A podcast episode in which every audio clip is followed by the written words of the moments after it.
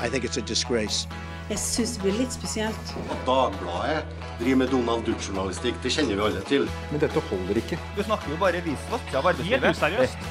You are fake news. Go ahead. Denne uken kom den gjeve Michelin-guiden på besøk til Trondheim for å strø priser over, over det nordiske kjøkken.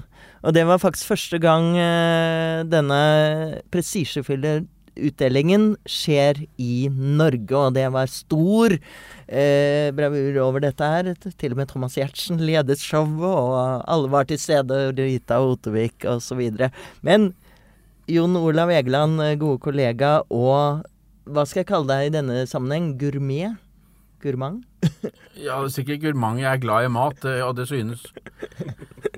men, men, du er en som skriver mye om norsk landbruk, og eh, en av Senterpartiets eh, fremste, fremste politikere, Geir Pollestad, som også er leder av næringskomiteen, han hadde en litt uheldig kommentar til denne Michelin-utdelingen.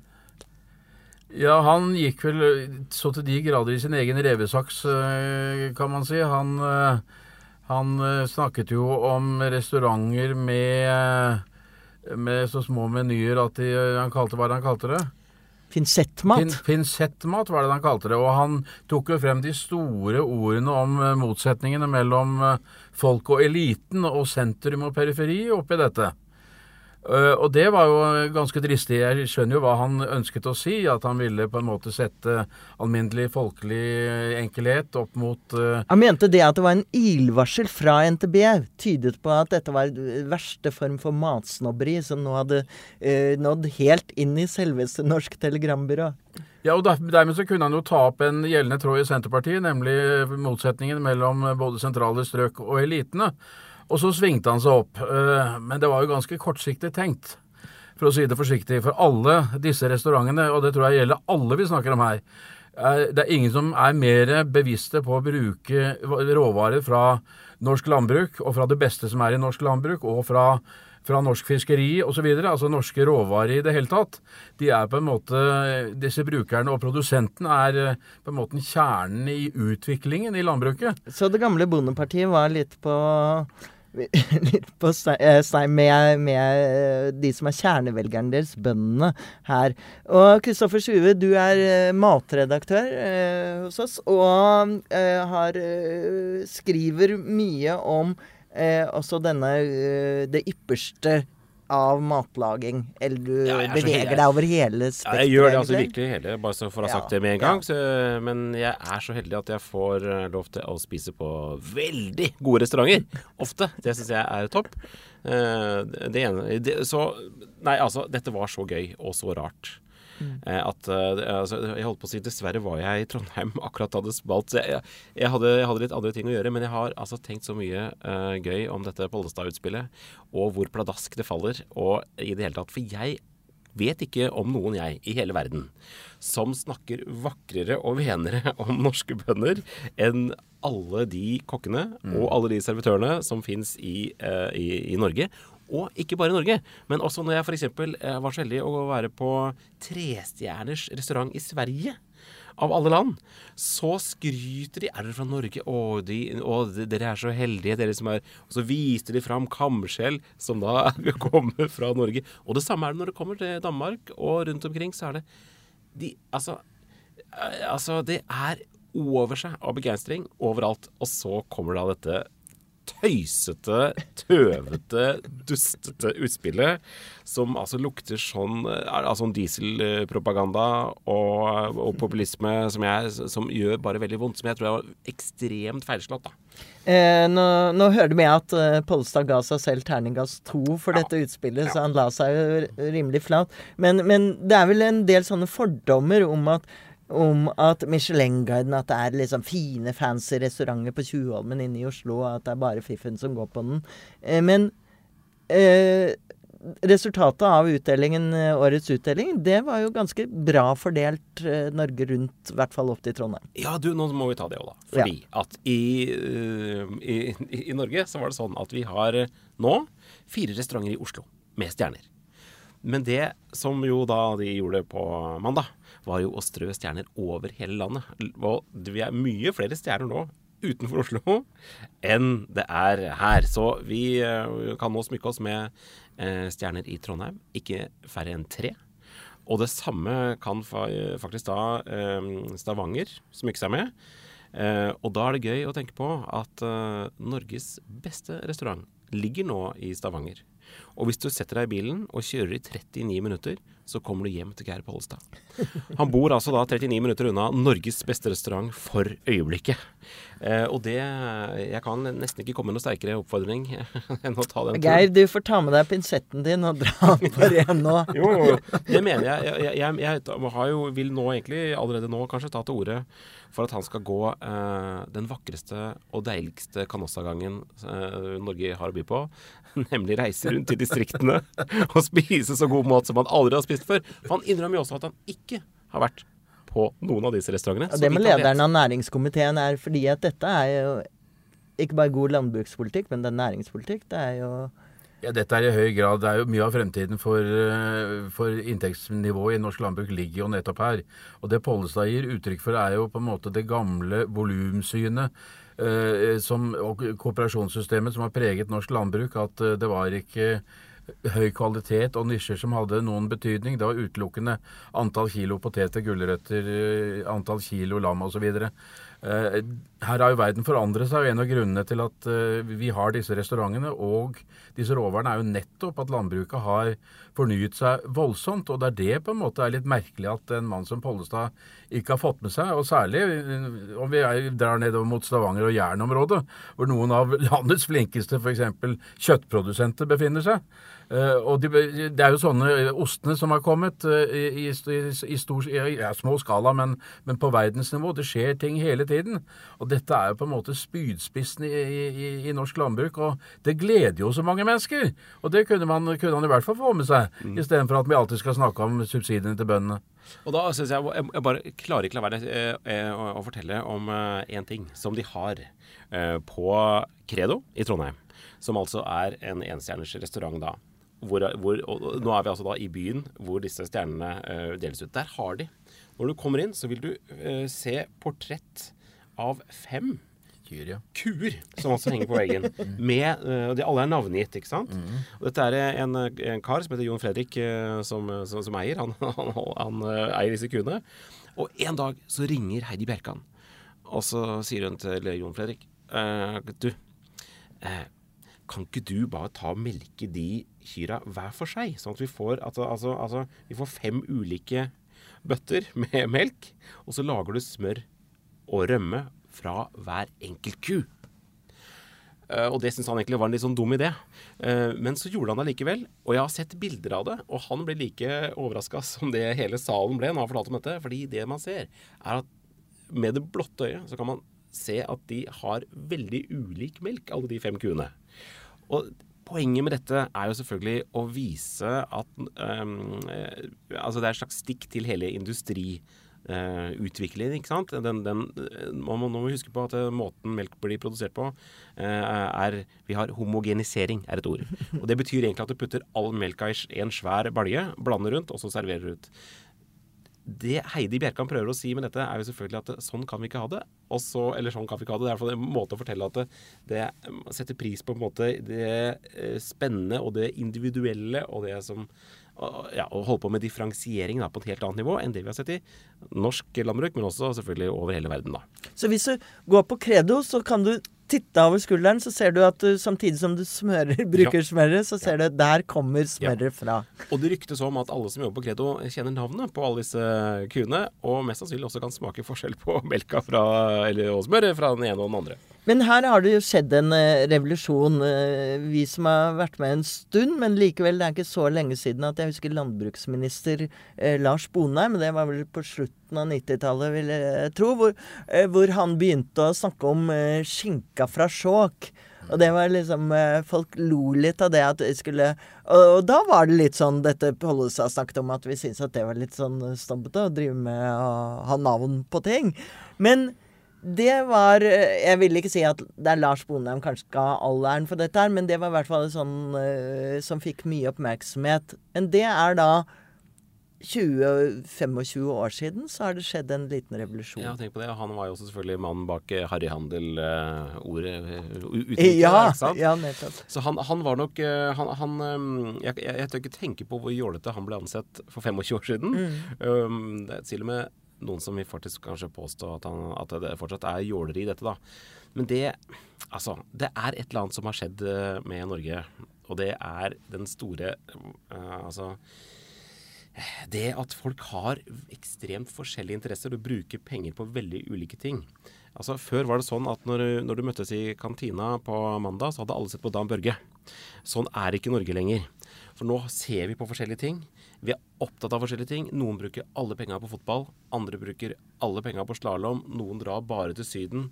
Og sånn er det. Noen av oss bruker alt vi har, og litt til, eh, på å gå ut og spise og kose oss. Eh, og det er liksom eh, Og det å da liksom prøve å fleipe om at Og, og latterliggjøre, håne liksom en hel sånn segment, det er, det er, det er i beste fall interessant fra Pollestad. Og noe av Sponheims idé var jo nettopp at han sa at her har du skinke fra Parma, ikke sant? som ja. alle er mm. liksom Du må ha parmaskinken. Ja, hvorfor skal vi ikke ha skinke fra Skjåk i stedet for? Ja. Vi har fantastiske råvarer her i Norge. Ja, altså det, det, det Sponheim gjorde, var jo å flytte oppmerksomheten fra produsenten og til forbrukeren og sa at forbrukeren krever et større utvalg og vil ha flere forskjellige varer, akkurat som, som du var inne på for et, for, for et øyeblikk siden. Det var et, det et tidsskille. og Du du kan bruke hvilket som helst matvareområde for å se det. Hvis du ser på hva slags pølser som fantes i en i, i, en litt godt assortert forretning for, for, for, 15 år siden, og hva som er i dag, så er det et helt annet utvalg. Det er i hvert fall tre-fire ganger så stort som det var. Og slik er det med den ene matvaregruppen etter den andre. Og dette har faktisk noe med også de store og dyre restaurantene å gjøre, for de er dyre. Det er ikke noe grunn til å legge skjul på. De er i hvert fall dyre hvis, i, i, sammenlignet med nesten alt annet. Du kalte med en kommentar for også at de var laboratorier. Ja, det er de også. Altså, Til dels har de laboratorier.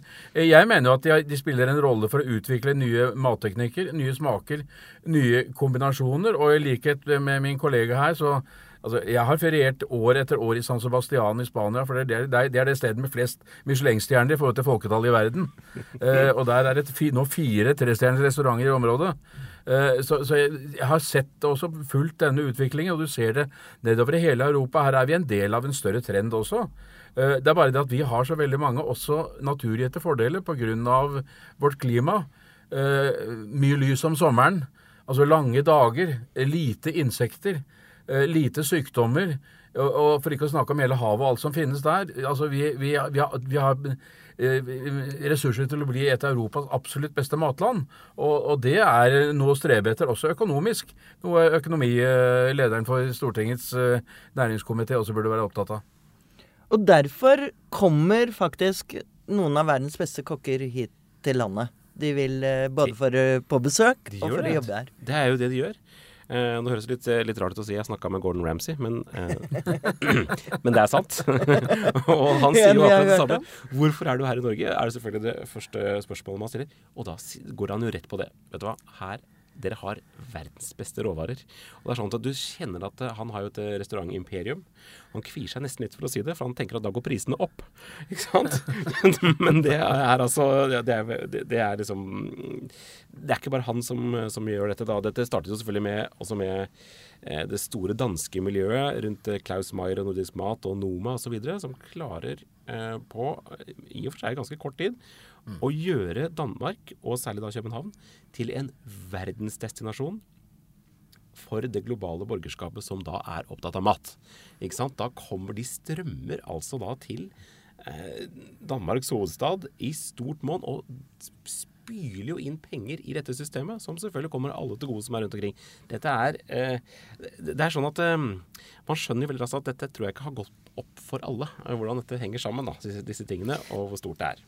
Men Jeg, jeg tenker jo liksom vi, vi amatører, glade amatører i dette her, eh, ser på det som omtrent som da norsk eh, nordisk krim og nordisk TV og, og slike ting. At, at det er bølger. Er det på den måten, eller er det nå etablert en gang for alle? Ja, det er et bra spørsmål, men eh, det, det ser i hvert fall ut til å være en ganske langvarig bølge, dette her, da. Fordi det som nå, nå, skal jeg, nå skal jeg jåle meg enda en gang da, er her nå og si at jeg nettopp har vært på denne alkymistrestauranten i København.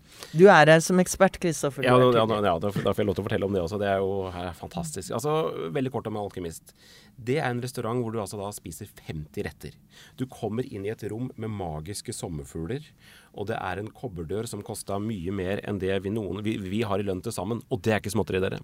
Nei, i hvert fall. Så er det, så, så er det sånn eh, at uh, Mange den- pinsetter. Veldig, veldig mange pinsetter. Saken med den restauranten er at den kunne aldri ha vært i København om det ikke hadde vært for de andre restaurantene som har gått foran. Så de har altså skapt grobunn for ehm, noe helt fantastisk gjennom Noma og, ehm, og gjennom Geranium, som liksom har vært de to fremste i København. Men nå kommer det altså noe nytt. Hvis den restauranten hadde blitt den første som etablerte seg, så hadde ikke det virka i det hele tatt. Hadde ikke funka. Men de klarer på en måte å bygge opp en kultur. Og dette tar lang tid, og det tar masse penger. Men når du først får dette til å rulle, så eh, virker det som eh, at dette er veldig varig og veldig, veldig solid. Her, her syns jeg man skal føye til at dette går jo inn i en større bølge av eh, både kortreismat mat i den grønne bølgen, eh, og alle mattrender som, eh, som er under utvikling, så vil dette nordiske landbruket ha store fordeler altså i sin lille nisje. Ja, Det er ikke det som skal fø u-landet, eh, for å si det sånn. Så det er helt andre og viktige matoppgaver i verden også. Men innenfor, innenfor denne delen av, eh, av næringen så, så er det mange ting som tyder på at dette er noe vi kan ha glede av i veldig lang tid fremover. Men apropos eh, dette pinsettbegrepet til Pollestad, det er en sånn der klisjé om at, eh, om at man bare har litt skum nedi et hjørne av tallerkenen, og at du får 15 slike skum servert én etter én. Eh, hvordan er det på, på slik Kristoffer? Er det Kan eh, hvem som helst føle seg vel og, Absolutt. Det er altså he- he- he- og kjenne igjen smakene? Ja, jeg tror hele poenget er langt på vei at man skal føle seg vel. Så hvis ikke du gjør det, så har kanskje ikke restauranten gjort jobben sin heller, da. Det, ikke sant? det er jo Jeg husker, husker de første gangene, så er man litt sånn nervøs og sånn, men det skal da selvfølgelig en god restaurant sørge for å skjønne og oppfatte med en gang. Og det, det skal de klare. Så men så er det en annen ting å si om dette med pinsett. Altså dette det tøvete greiene med pinsetten. Man bruker pinsett innimellom, det skal sies, for dette er jo veldig små, delikate ting ofte. Ja visst. Eh, men å gå på en restaurant i dag handler om så innmari mye mer. Fordi man Hvis du går på de beste restaurantene i dag, har alltid referanser til ting utenfor seg selv. Så eh, f.eks. på denne alkymisten så kan vi fortelle at eh, de, mm, de, de disse kobber, den kobberdøra som jeg nevnte først, det er selvfølgelig en referanse til Firenze og de store kobberdørene der som starta åpne hele renessansen. Det er det første du møter. Og så eh, har du en annen ting som er du, du får en liten rett som man spiser i to tygg. Du får jo 50 til sammen, dere, så det er, eh, de kan ikke være så store. Det blir nok med en full. Det blir det. Men så blir man altså da fortalt at dette er laget på sjøkreps, som er eh, altså havna i trålen som bifangst. Men vanligvis er dette bare noe som blir sluppet ut igjen, men nå gjør vi det om til noe nyttig. Uh, ikke sant? Så dette er, en, dette er jo også da, da Da får de en anledning til å fortelle om hvordan man tråler og ødelegger og holder på. Andre restauranter kan f.eks. Eh, servere en andehjerne. Og da er poenget selvfølgelig vi må bruke hele dyret. En annen gang fikk jeg servert en levende reke.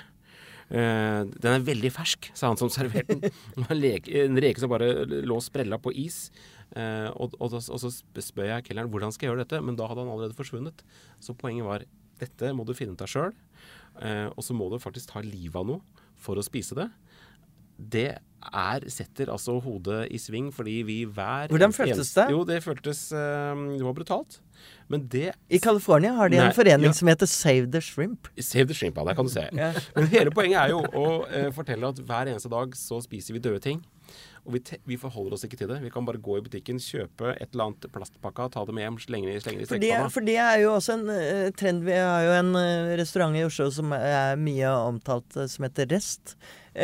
Hvor det, som det ligger i ordet. Mm. At, at, det er ting De bruker ting ved dyr som man vanligvis kaster. Ja, de har basert hele konseptet på det. Altså da ting som ellers ikke ville bli brukt. Det bruker vi. Og så lager vi jeg gjetter på at den kommer til å få en Michelin-stjerne da, til neste år. Mm. Eh, det sier jo liksom noe om ja, hvordan vi har innordna oss i dette krøkkete matsystemet. Og jeg merker at jeg kan sitte og snakke om dette i evigheter, selv om jeg ikke er en av de som frekventerer disse restaurantene mest. Men det er interessante historier, nettopp, og, og matkultur som Geir Pollestad fra Senterpartiet bør være med på. Og Kristoffer, jeg, jeg, tror kanskje du må ta han med på en restaurant en dag? Ja, du er herved invitert eh, på uh, en tur som vi kan, kan, kalle en tur til Pinsettmenigheten. Fordi det er det det burde vært. Uh, nemlig alle de som lager mat der ute, de burde være en del av Pollestads menighet. Takk skal du ha, Kristoffer Sjue og uh, Jon Olav Egeland.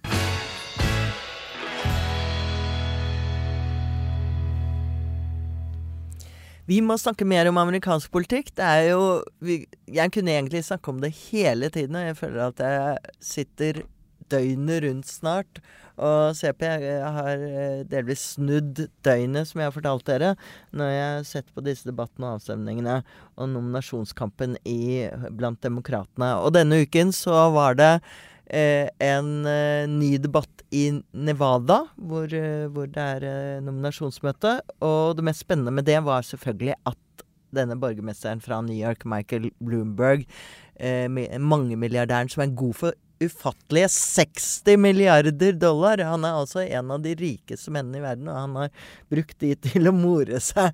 Han er, eh, han er som jeg skrev i en kommentar her forleden, han er 78 år, og mer moro får han vel ikke resten av livet. Eller hva sier du, Trym Mogen, som skriver om dette her? Jeg tror han kunne fått det mer moro enn den eh, debatten i, i Las Vegas eh, denne uka her, for der det er over ti år siden Michael Bloomberg sist var i en politisk debatt, da som borgermesterkandidat i New York, i et i et, uh, en valgkamp som allerede var avgjort. Uh, og nå falt han nok litt gjennom da, i dette feltet av uh, rutinerte politikere, får vi si. Han ble jo tatt voldsomt av Elizabeth Warren, da, som har jo hatt denne, den tidligere jusprofessoren har vært beinhard mot disse Wall Street-milliardærene. Mm. Fins det en mer Wall Street-milliardær enn Michael Bloomberg? Dette var jo hennes yndlingsøvelse, nærmest. ikke sant? Hun trodde jo ikke sine egne øyne da han plutselig sto der. Uh, og, og altså, konklusjonen er vel at hun, eh, hun virkelig feide gulvet med han. Hun gjorde det. altså Michael Bloomberg klarte å kvalifisere seg til denne debatten denne uka da han fikk eh, sin fjerde måling på over 10 nasjonalt. Eh, da var det selvfølgelig stor stemning, og alle var enige om Michael Bloomberg skal selvfølgelig stille i debatten. Men så kommer han altså på scenen og blir angrepet for, for han kalte, kalt hva han kalte kvinner lesbetryner. og, ja, nei, ja, det var hestetryner. Ja, lesbisk, feite, og feite kvinner. Og, ja. og så, de har selvfølgelig gravd fram dette her. Og, og, og blant annet dette. Han øh, ønsker ikke å oppgi skatte, sin egen øh, skattetall, slik som Trump har. Øh, heller, heller, ikke gjort. Han, han, blir også, han sliter med, han svarer liksom teknokratisk og sliter med å få fram poengene. og Han brukte mye tid på å prøve å hysje de andre deltakerne. Og han var mm. den som fikk minst taletid. Mens uh, Amy Klobuchar og Elizabeth Warren var de som fikk mest uh, taletid i denne debatten. Og det viser jo bare at han, uh, han, er, ikke, han er ikke så erfaren på en sånn scene. Ja. Og så tenker jeg at det er mange som nettopp har sammenlignet med Donald Trump både fordi han er rik Han mener jo at ha-ha, jeg er mye rikere enn han. Han er jo en liten eh, fattig-Per. Men, eh, men, han har også denne fortiden sin som de graver frem. Altså, det er ganske mange fæle ting som eh, er kommet frem om Michael Bloomberg. Han skal blant annet ha sagt til en, en kvinnelig medarbeider som ble gravid, at blir kvitt, og, kvitt den. Eh, ja. eh, og, og, han har altså hatt søksmål mot seg, og det er, eh, er historier om at han også har betalt kvinner i forbindelse med metoo-saker. Men utfordringen er selvfølgelig at Donald Trump klarte dette fordi han er så totalt skamløs. og så appellerer han eh, kanskje til velgere som ikke bryr seg så mye om sånn. Men Michael Bloomberg skal jo ha demokratiske velgere som syns at Donald Trump er det verste på denne jord. Så da er det jo litt, eh, kanskje et lite handikap å fremstå som en kopi av ham. Ja, vi, vi, så jo dette ble, dette ble tatt opp i natt også, disse forlikene som ble inngått med tidligere ansatte. Eh, hvor de da altså, Det er inngått forlik, men, men de har da en taushetsplikt for hva det for, eh, forliket angår. ikke sant? Og, og, og, det er som du sier, en mer det er jo et parti som ønsker å bli kvitt Trump. De ønsker jo ikke en ny Trump. Det er ingen som eh, ønsker det av demokratene, selvfølgelig. Eh, mm. Men, men, det er Trump, jeg syns Trump treffer ganske bra selv på Han tvitra rett etter debatten. Ikke så enkelt som det ser ut. Det jo, men det er jo akkurat det som, som, er poenget. Trump får jo alltid å se altså, for, for, de fleste av oss ganske absurd, men han, til, han klarte jo å vinne, vinne dette presidentvervet. Og jeg tror jo han har jo poenget at ja, Michael Bloomberg er rikere. Michael Bloomberg er kanskje det Trump ville være. Denne bildet på, på finanseliten i, i, New York. Men, litt elegant, litt mer dannet. Mm, men, men, han har jo ikke den uh, han har jo ikke den uh, tefloneffekten som, uh, som, uh, som, Trump kanskje har. da. Ja, åpenbart så vi kan like det eller ikke, men, men, han er jo på en måte veldig politisk treffsikker også, Donald Trump, hele tiden. Han vet akkurat hva han skal si for at velgerne hans skal fortsette å støtte ham hver gang. Vi gisper jo fremdeles etter liksom fire år med Trump over uttalelsene hans, og så viser det seg at det går hjem. Mm. Men uh, det som jo er interessant, er jo selvfølgelig å se Ja, disse debattene det er, det Her møtes de ansikt til ansikt. Men så er spørsmålet da, hvor mange ser på disse uh, debattene? Nå er det Las Vegas relativt uh, Nei, unnskyld, Nevada. 58 delegater er vel der, så vidt jeg husker. Det er ikke mange det er snakk om. Hvor mange får med seg disse debattene? Ikke sant? Så reklamen til Bloomberg altså det vi, har, det vi, har, sett, er jo at han har brukt hva er det, 200 millioner eh, dollar ja, Soto, som han har brukt på reklame så langt. Han har da ikke stilt opp i de innledende nominasjonsmøtene. Uh, og dette er første gang han stilte i debatt og gjorde da en elendig figur, tror jeg det virker som det er eh, allmenn enighet om. Eh, men han allikevel ligger nå i mange målinger i hvert fall som nummer tre. Mm. Og er på vei opp. Eh, Tror du det kan tyde på at de som frykter at han kan kjøpe nominasjonen, har litt rett? Ja, det er jo en ekstremt spennende uke vi går inn i nå. Eh, nominasjonsvalget i Nevada på lørdag. Bernie Sanders eh, superfavoritt, får vi si der. Eh, så er spørsmålet der klarer Joe Biden å komme inn topp eh, to. Eh, så har han en vei mot eh, Sør-Carolina, hvor han er favorittmeningsmålingene. Så kommer da supertirsdag 3. mars. Da kommer, kommer Michael Bloomberg inn med milliardene sine. Ja.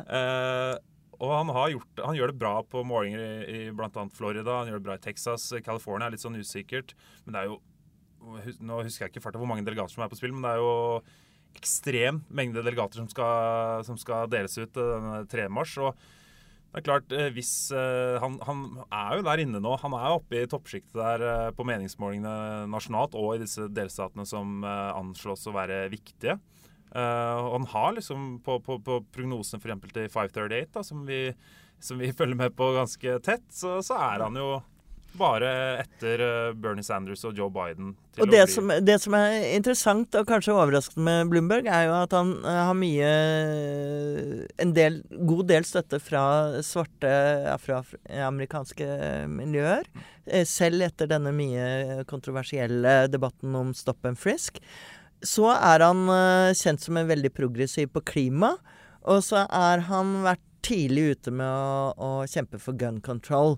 Og det er jo det er jo i hvert fall noen elementer her som gjør kanskje at uh, det blir lettere for enkelte demokrater å holde seg for nesa og stemme på Bloomberg. Ja, for, Han ble jo angrepet for dette i debatten. ikke sant? Ja, vi, OK, vi kontrollerte altså, Dette var jo da Stop and frisk var en slags metode politiet brukte for å for å kontrollere folk uten at det var skjellig grunn til mistanke. Og dette ble jo da en forferdelig. altså ja. Det ble jo dømt for altså, Det var grunnlovsstridig. Ja, ja, det var grunnlovsstridig, og det var uforholdsmessig får vi si, mange svarte og, og latinamerikanere som, som, ble da kontrollert av politiet. Det var opplevd som rasediskriminerende mm. politikk, rett og slett. Mm. Dette ble han også angrepet for i debatten i natt. Mm. Og han hva skal vi si, han han, han, han, kan jo ikke forsvare dette, for dette strider mot loven. Vi, vi, får bare beklage. Men han klarte ikke å svare helt bra på det heller. Uh, men allikevel, som du sier, han har, uh, han har en viss støtte, da, selv om det er på en måte Joe Biden som har blitt sett på som, som afroamerikanernes kandidat så langt. Og kanskje han kan men fylle nok, det, er nok, det er nok riktig at, at at demokratene og demokratiske velgere er liksom besatt av Trump, og hvordan skal vi slå han? Uh, Klassekampen hadde denne uken en, en ganske interessant oppslag. De er ikke overraskende Bernie-fans. og vi må jo si at Bernie nå seiler opp som den klare frontrunneren, altså favoritten blant demokratene, og har lagt i hvert fall Biden ganske betydelig bak seg uh, as we speak. Men uh, Klassekampen slår da fast at det er Bernie-feber også på Stortinget. Hvis man går nærmere inn på de tallene, så er det ikke helt riktig det de sier. Fordi det er altså 29 som uh, sier de vil være for, for, uh, for Bernie. Uh, mens 20 faktisk sier at de vil, vil ha Buttigieg. Og så er resten litt sånn vil ikke si helt hvem de er. Men jeg tror det er ganske betegnende for stemningen. Både i USA og, og i Norge, da ikke minst. Det Hadia Tajik sier. Hvem som helst, bare ikke Trump. Katta til Buttigieg naboen til Kloberskjær eller den ukjente fetteren til Joe Biden f.eks. Alle er mer egnet. Det er nok det de mener, men det er jo et felt vi ikke har sett maken til. Altså, vi, vi, går nå inn da i tre nominasjonsvalg, tre delstat, og vi har et felt med én, to, tre, fire, fem, seks, hvis du tar med Tom Steyer, da, som, eh, som er en stayer så langt i, i racet. Enda en eh, milliardær Enda som prøver seg. Uh, så det er, jo, det er jo et ellevilt felt, og det viser jo bare hvor uh, på en måte besatt man er av å finne en kandidat som kan slå Trump i, i, til høsten. Ja, Joe Biden står der fremdeles og mumler 'jeg er den som kan slå Trump'. Det er det faktisk noen målinger som viser, selv om han synker andre steder.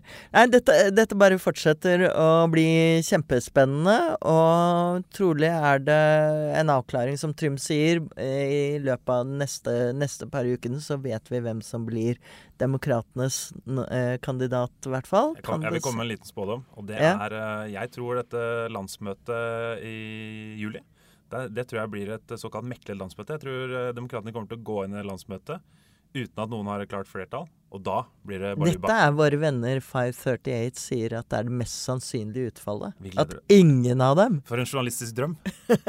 Trym! Vi får livepod litt Trym! Vi kjørte jo rundt i USA sist gang, i 2016. Vi må tilbake det må vi. på uh, denne konferansen uh, blant demokratene og se de live på gulvet kaste seg over hverandre. Last man standing. Ellevilt. Ok. Takk for at du kom, Trim, og hadde en liten uh, oppsummering av ståa akkurat nå. Like spennende som alltid. Følg med, følg med.